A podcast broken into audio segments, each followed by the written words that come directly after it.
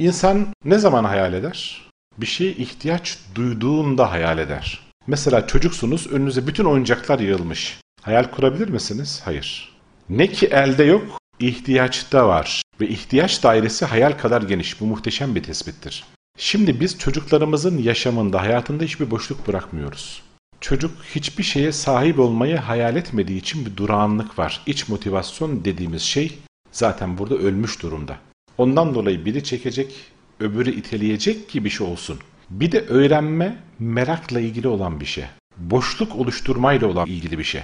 Zihnimiz şema teorisine göre çalışıyor. Bir çerçeveyi ve daireyi çizersiniz, içinde bir boşluk bırakırsınız, zihin onu düşünmeye başlar. Bunu bazen merakla yaparsınız, bazen soruya dayalı merakla yaparsınız. Mesela çocukların fen eğitime yönlendirmek istiyorsanız şöyle bir soru sorarsınız. Çocuklar gündüz niçin sizce yıldızlar görünmüyor dersiniz. Bir boşluk oluştu zihinde. Acaba niye görünmüyor? Gece görünüyor, gündüz yok. İlkokul 1-2 çocuğuna bunu sormaya başladığınız zaman merak duygusunu tetiklersiniz. Ve merak ne olur? İlmin hocası olur. Günümüzde en büyük iki eksiklik. Bir, bize masal anlatan babaannelerimiz, ninelerimiz yok. Biz onlardan çok uzağız. Çekirdek aile yapısı tarumar olmuş durumda. Bize ne yapan? Zihnimizi manipüle eden çizgi filmlerimiz var. Ve zihnimizi tamamen ele geçiren, basamak basamak atlatırken basamak basamak bizi dibe vurduran neler var? Bilgisayar oyunları var. Silikon Vadisi'nin çocukların ellerinde tablet yok. Ama biz Fatih projesiyle çocuklara tablet dağıtıp onlara çağ atlatacağımızı zannettik. Şimdi ayrı bir handikapla baş başayız. Bir furya, bir robotik kodlama furyası başladı.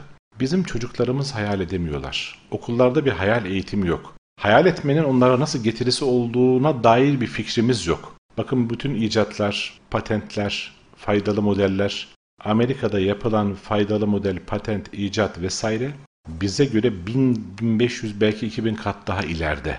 Ve onlar üretiyorlar, tasarlıyorlar, ortaya koyuyorlar. Biz ne yapıyoruz? Sürekli tük tüketici durumunda geçiyoruz. Onun için Japonya'da hayalini satmak diye bir tabir vardır. Hayal edersiniz ve bir şeyi satarsınız. Bunun alıcısı vardır. Onun en değerli şey akıldır. Bizim ülkemizde en ucuz şey akıldır. Kim düşmanınız dahi olsa gidin sorun bir konuda size ne yapar?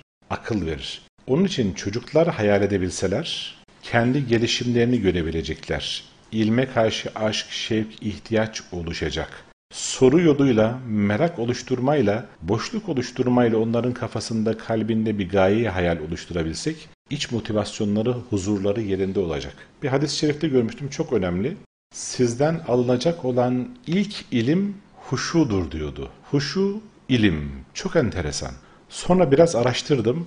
Yani sizdeki huzur hali, dinginlik hali, kendinizle baş başa kalabilme hali, murakabe içinde olabilme hali. Bunlar olmayınca ne bilim oluyor, ne ilim oluyor, ne irfan oluyor, ne ruh gelişimi. Çünkü her gün binlerce etkiye maruz kaldığınız elinizde ne var? Sizi delirten akıllı telefonlarınız var. İşte çocuk için, ergen için, yetişkin bir birey için hayal edebilme, düşünebilme, kendiyle baş başa kalabilme, kendini dinleme maalesef bu sorgulamaların çok uzağında kalıyoruz. Doğu hikayeleriyle psikoterapi denen bir alan var batıda. Ne yapmışlar? Bizim Suhreverdi'nin, Mevlana'nın vesaire hikayelerini almışlar. Bunlarla insanları tedavi ediyorlar. Bunlarla ne yapıyorlar? Terapi yapıyorlar. Pozitif psikoloji denen bir alan var. Bakıyorsunuz ki Mevlana Yunus felsefesi tamamen olarak almış. Aslında biz doğru güzel bir şekilde üstadın çağımızın problemlerine gerçek anlamda ışık tutabilecek o reçete tarzından yazmış olduğu şeyleri gerçekten önce biz çok iyi özümsesek, sonra çok iyi anlatabilsek, aktarabilsek çağımızın problemlerinin çok azaldığını inşallah hissedeceğiz.